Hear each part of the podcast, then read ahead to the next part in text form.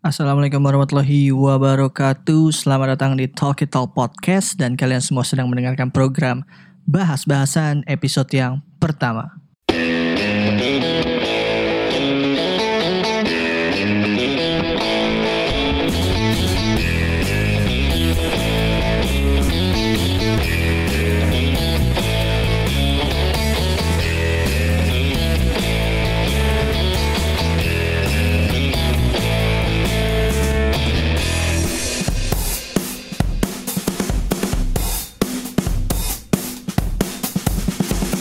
Ya di episode pertama ini pasti lo mikir ini program apa lagi sih? Um, dengan naiknya program ini gue mau mengumumkan bahwa gue harus men-take down PKB program komen dan berita. Kenapa? Karena ada pertimbangan satu dan lain hal. Ya anggap aja bahas-bahasan ini adalah um, PKB 2.0 gitu. Jadi uh, resmi dengan mengudaranya bahas-bahasan episode pertama ini PKB gue take down. Jadi nggak ada lagi nih program PKB ya mumpung masih satu episode ya yang lalu. Di bahas-bahasan episode pertama nih sebenarnya tappingan ini juga sebagai tappingan uji coba settingan audio buat persiapan kosan season 2 ya. Ya mungkin di Desember atau kalau ngaret tahun depan lah di Januari gue baca juga kan di komentar-komentar kalian, cah kalian di komentar-komentar lo yang ngeluangin waktu buat dengerin. Uh, kalau kualitas audio um, tappingannya kosan tuh parah gitu, maksudnya berubah-ubah lah nggak nggak parah, cuma berubah-ubah ada yang bener-bener jelek banget gitu. Cuman emang harus gue akuin kesulitannya adalah karena kita tapping kosan itu kan da pindah dari warung kopi ke warung kopi lain ya jadi memang banyak banget penyesuaian dan audionya kadang harus disetting ulang on the spot dan kita nggak pernah tahu tuh hasilnya sampai masuk ke post production. Pas ngedit ya jedang gitu kan ngeliat waduh noise-nya parah. Audionya ada yang nggak kedengeran yang kayak gitu-gitu tuh di luar kuasa kita sebenarnya. Uh, jadi kalau lo dengar audio sekarang better mudah-mudahan um, kosan season 2 juga better. Jadi ya ya nggak tau lah mudah-mudahan permasalahannya tuh sebenarnya kita harus uh, cari tempat yang proper buat tapping sih. Uh, selain itu gue di episode pertama ini mau ngebahas soal nggak tau nih. Gue tuh lagi ngerasa keganggu banget. Um, sama gini deh gue tanya nih sama lo yang dengerin ini. Lo tuh tipikal orang yang makan siang order via ojek online gitu ya. Apa tipe yang jalan apa tipe yang pakai delivery service dari tempat makannya sendiri gitu. Uh, kalau gue kan kadang emang pakai um, ojek online gitu ya. Ya gue nggak mau nyebutin ojek online yang mana. Tapi gue keseringan pakai ojek on online yang bikinan anak bangsa. Ya enggak ya lu paham lah gitu kan Nah si bikinan anak bangsa ini ya gue tahu dia tuh punya kebijakan kalau si tukang ojeknya kalau si ojeknya ini um, bisa bikin customernya itu ngisi virtual payment itu mereka dapat poin tambahan gitu kan.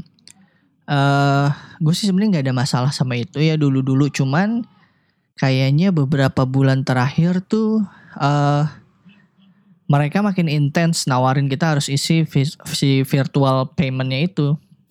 Uh, yang jadi masalah mungkin beberapa minggu terakhir nih gue mulai ngerasa keganggu karena um, mereka tuh mulai agak-agak maksa gitu ya ngisinya. Ya gue gue beberapa kali akhirnya ngisi gitu ya karena kasihan juga gitu. Ya udah deh gue isi juga deh si virtual paymentnya itu. Cuman tuh belakangan mereka kayak nawarin itu cenderung maksa gitu ya. Dan gue ketika nolak secara halus pun gitu ya misalnya oh saya baru isi nih pak gitu. Atau oh saya lagi nggak pengen isi dulu nih pak gitu. dan beberapa oknum itu tuh nanggepinnya secara bisa dibilang secara apa ya secara ketus gitu.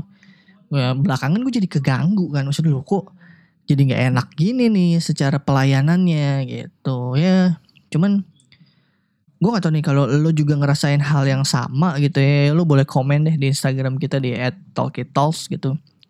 Um, ya gue ngerasa bahwa ya lo kayak ditawarin kartu kredit gitu kan.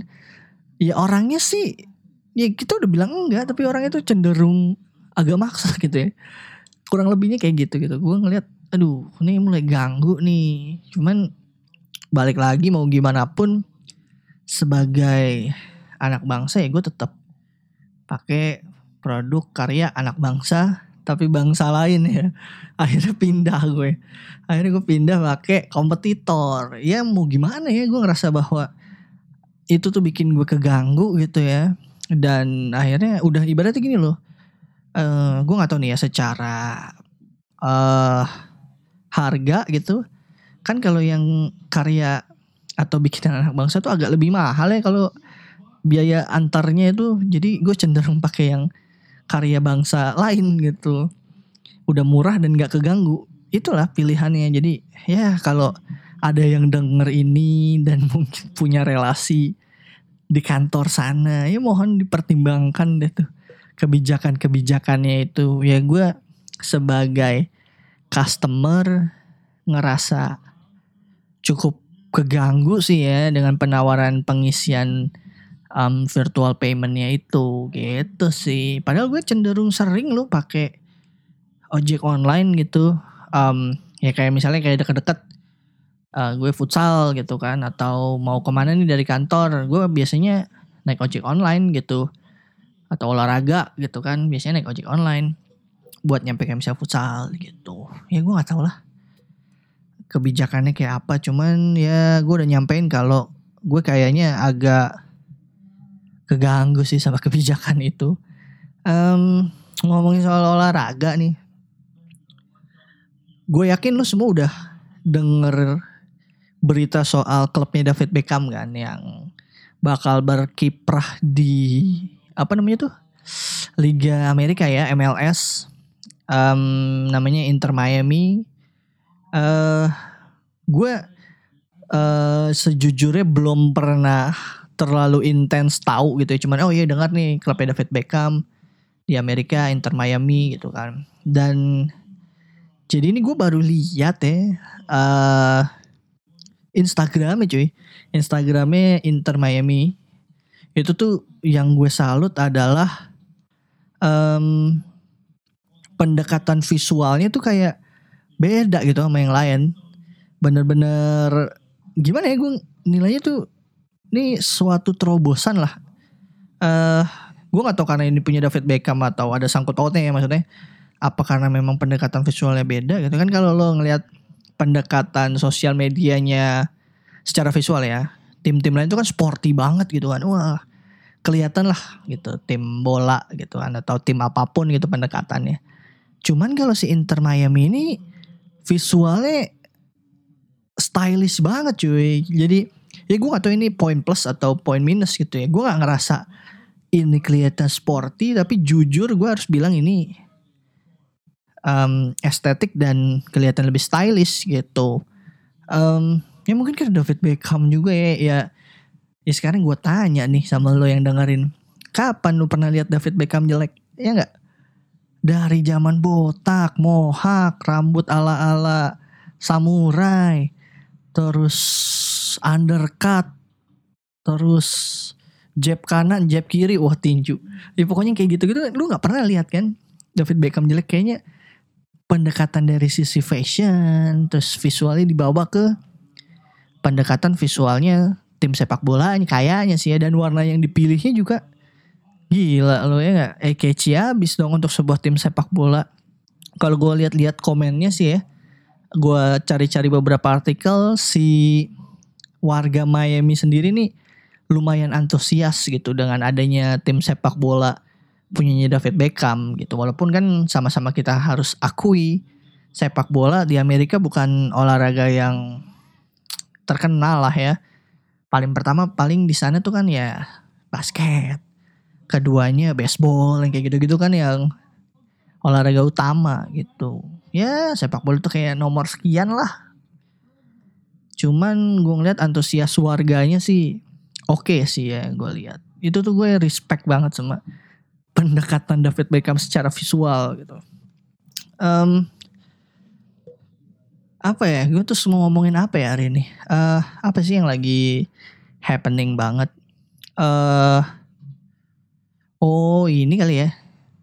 CPNS ya cuy ya. CPNS gue kadang kalau baca berita soal CPNS tuh uh, kocak aja gitu tiap tahun bukan tiap tahun sih ya pokoknya setiap ada pembukaan CPNS gitu selalu ada berita yang ngebahas soal ditemukannya um, benda-benda yang diduga jimat dibawa ke dalam ruangan tes ya. Aduh gue gila sih gue karena gak habis pikir gitu ya.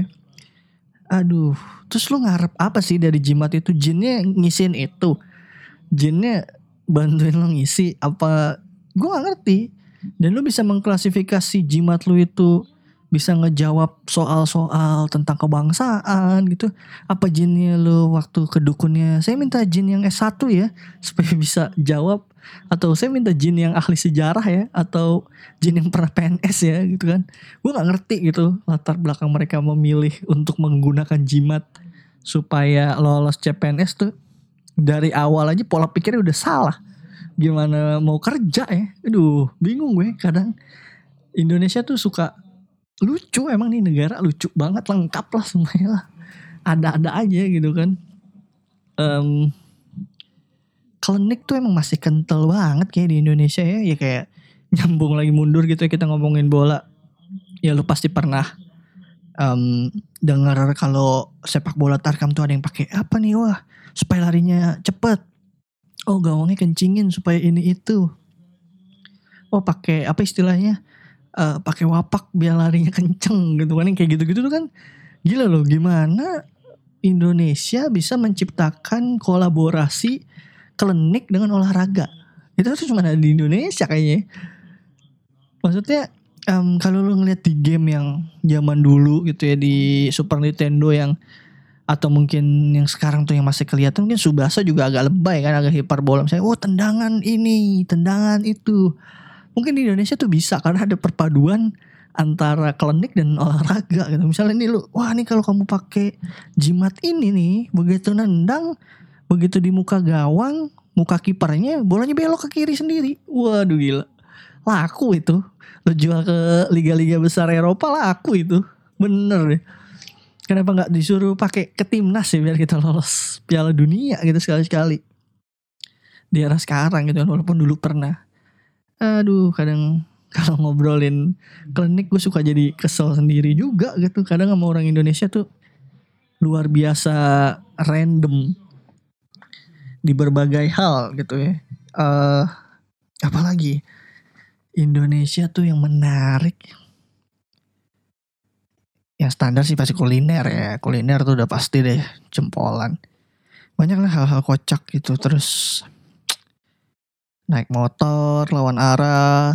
Terus kalau ditegor tuh yang komplotan lawan arah berkoalisi gitu kan gabungan. Jadi kayak oh, kumpulan orang salah terus ngelawan. Gitu. Tuh kayak waduh Indonesia sih emang epic lah kalau gotong royong kayak itu tuh di semua momen tuh lu bisa nemu gitu kan gotong royong dalam hal apa pun aduh bingung gue kadang ya gue atau sih pendapat lo ya kalau lo dengerin ini gitu. Menurut lo gimana sih ini Indonesia?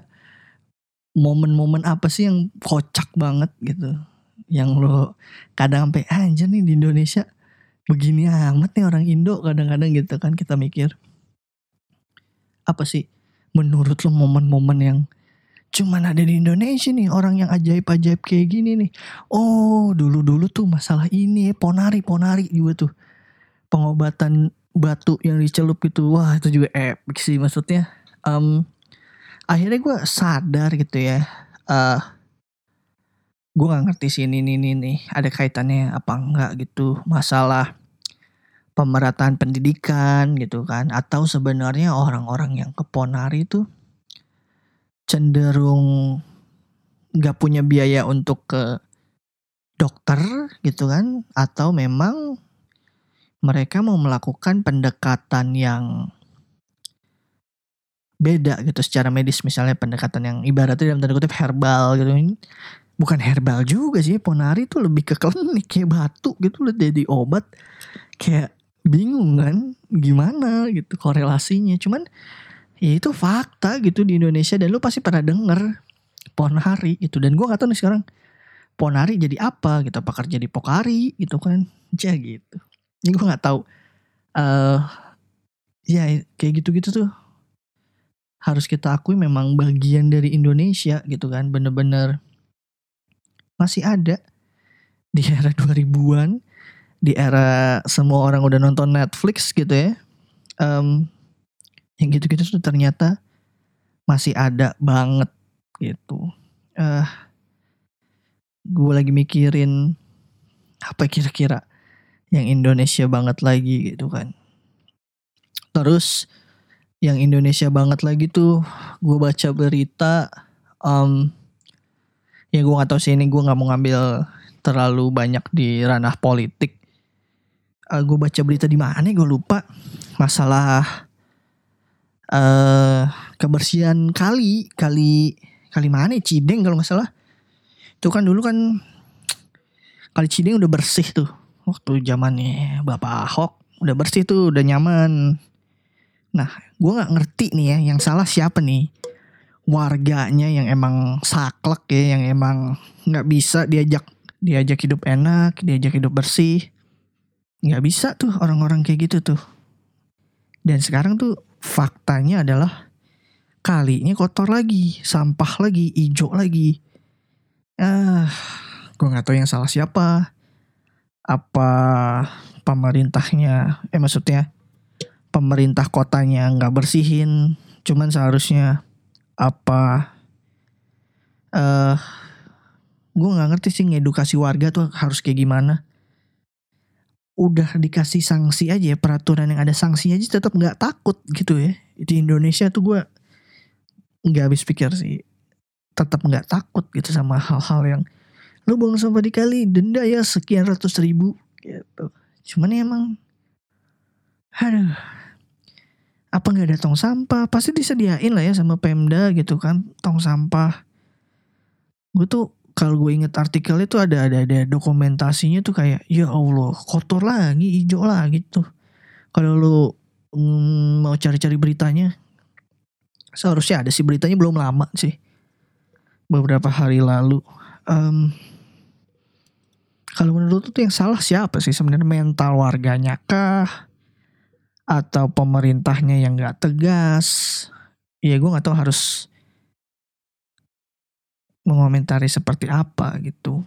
Ah bingung kadang-kadang nih sama orang Indonesia. Udahlah nggak usah bahas yang aneh-aneh. Yang lagi seru tuh gue kalau gue inget-inget gue nggak tahu nih lu tahu apa enggak apa lu baca berita. Kan Raisa tuh baru ya nyambungnya gitu ya. Um, Raisa tuh kan baru ngeluarin lagu baru ya kalau nggak salah sama Dipa Barus. Seharusnya lu gue sih ngeliatnya di Instagram nih di, si Raisa sama Dipa Barus bikin lagu baru tuh terus promo tuh gue lupa promo ke mana um, terus di situ akhirnya atas peran sertasi yang ngundang ini media yang ngundang ini akhirnya kan waktu itu sempat rame tuh yang Bapak Sutopo ngefans sama Raisa Bapak Sutopo tuh um, apa deh jabatannya gue lupa. Uh, pokoknya dia yang sakit kanker paru-paru kalau nggak salah. Dan dia tuh ngefans banget sama Raisa. Nah di Bapak Sutopo tuh apa sih di pemerintahan gitu posisinya gue lupa. Nah ngefans terus akhirnya dipertemukan lah nih di event ini. Jadi si Raisa lagi promo lagu terus Bapak Sutopo diundang juga nih kebetulan bisa terus Bapak Sutoponya datang tuh kayak gue ngeliatin wah gila ya. Kayak seru dan gimana ya kayak happy aja gitu ngeliat wah gila nih kayak fans sama artisnya ketemu gitu kan. Terus ya lu tahu latar belakang Bapak Sutopo sakit kanker paru-paru gitu kan tuh agak menyentuh juga momennya gitu kan ya ya mudah-mudahan sih. Ya gue gue berpikir Bapak Sutopo luar biasa lah. Um, kalau kita ngelihat kinerjanya terus gimana gue sempat baca beberapa kali interview beliau terus nonton juga gimana cara dia memandang hidup tuh juga inspiratif gitu menurut gue. Um, yang satu gue eh, salah satu quotes lah gitu ya ibarat yang gue inget nih dia ngomong gini uh, hidup itu bukan soal lama lamaan umur gitu ya. Tapi seberapa seberapa apa istilahnya? Seberapa berperan kah lo di kehidupan itu gitu peran lo gitu.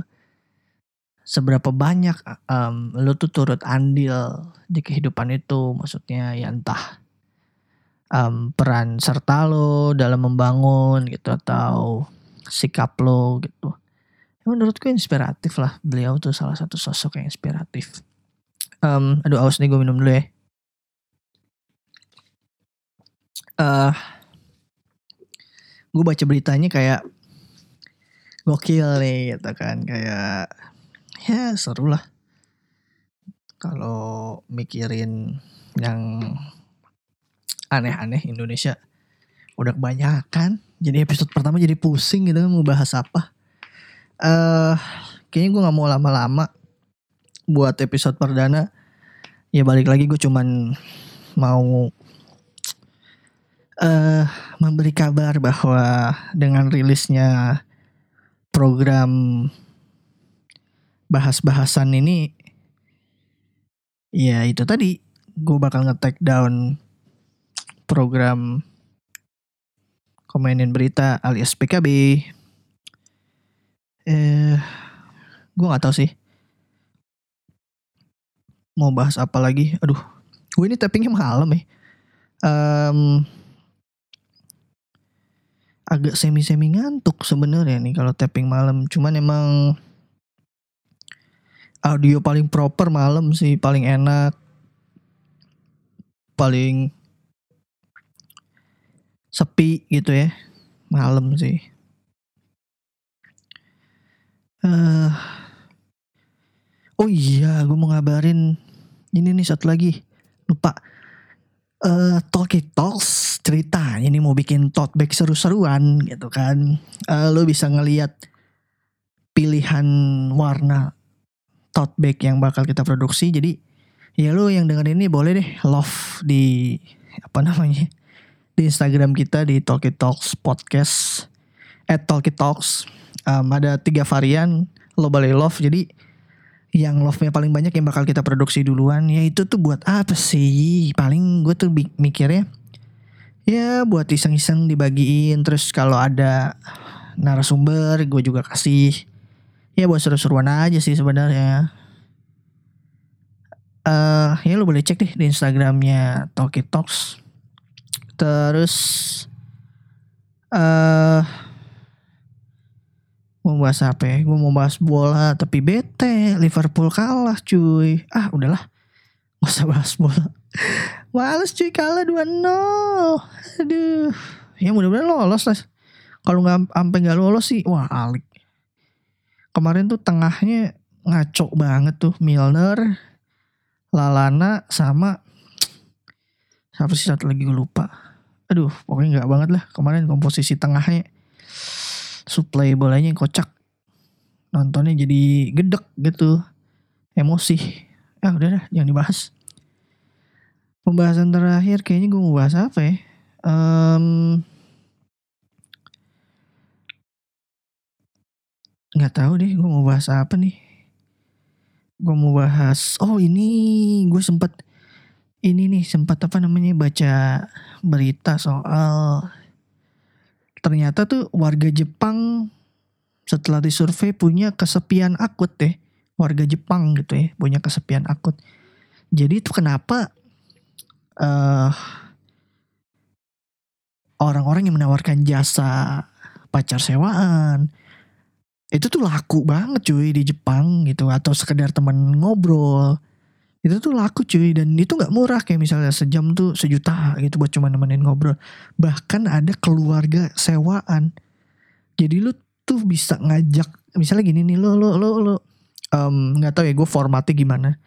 Gue ngebayangin gini misalnya gue anak rantau tinggal di um, daerah gitu terus kayak aduh keluarga gue juga udah gak ada nih misalnya. Dan itu bisa nyewa keluarga gitu gokil ya. Nyewa keluarga kayak misalnya aduh gue kangen nih makan bareng keluarga gitu. Lu nyewa nih bisa. Oh ini format keluarganya misalnya gue gak ngerti gue ngebayanginnya gini nih. Oh iya.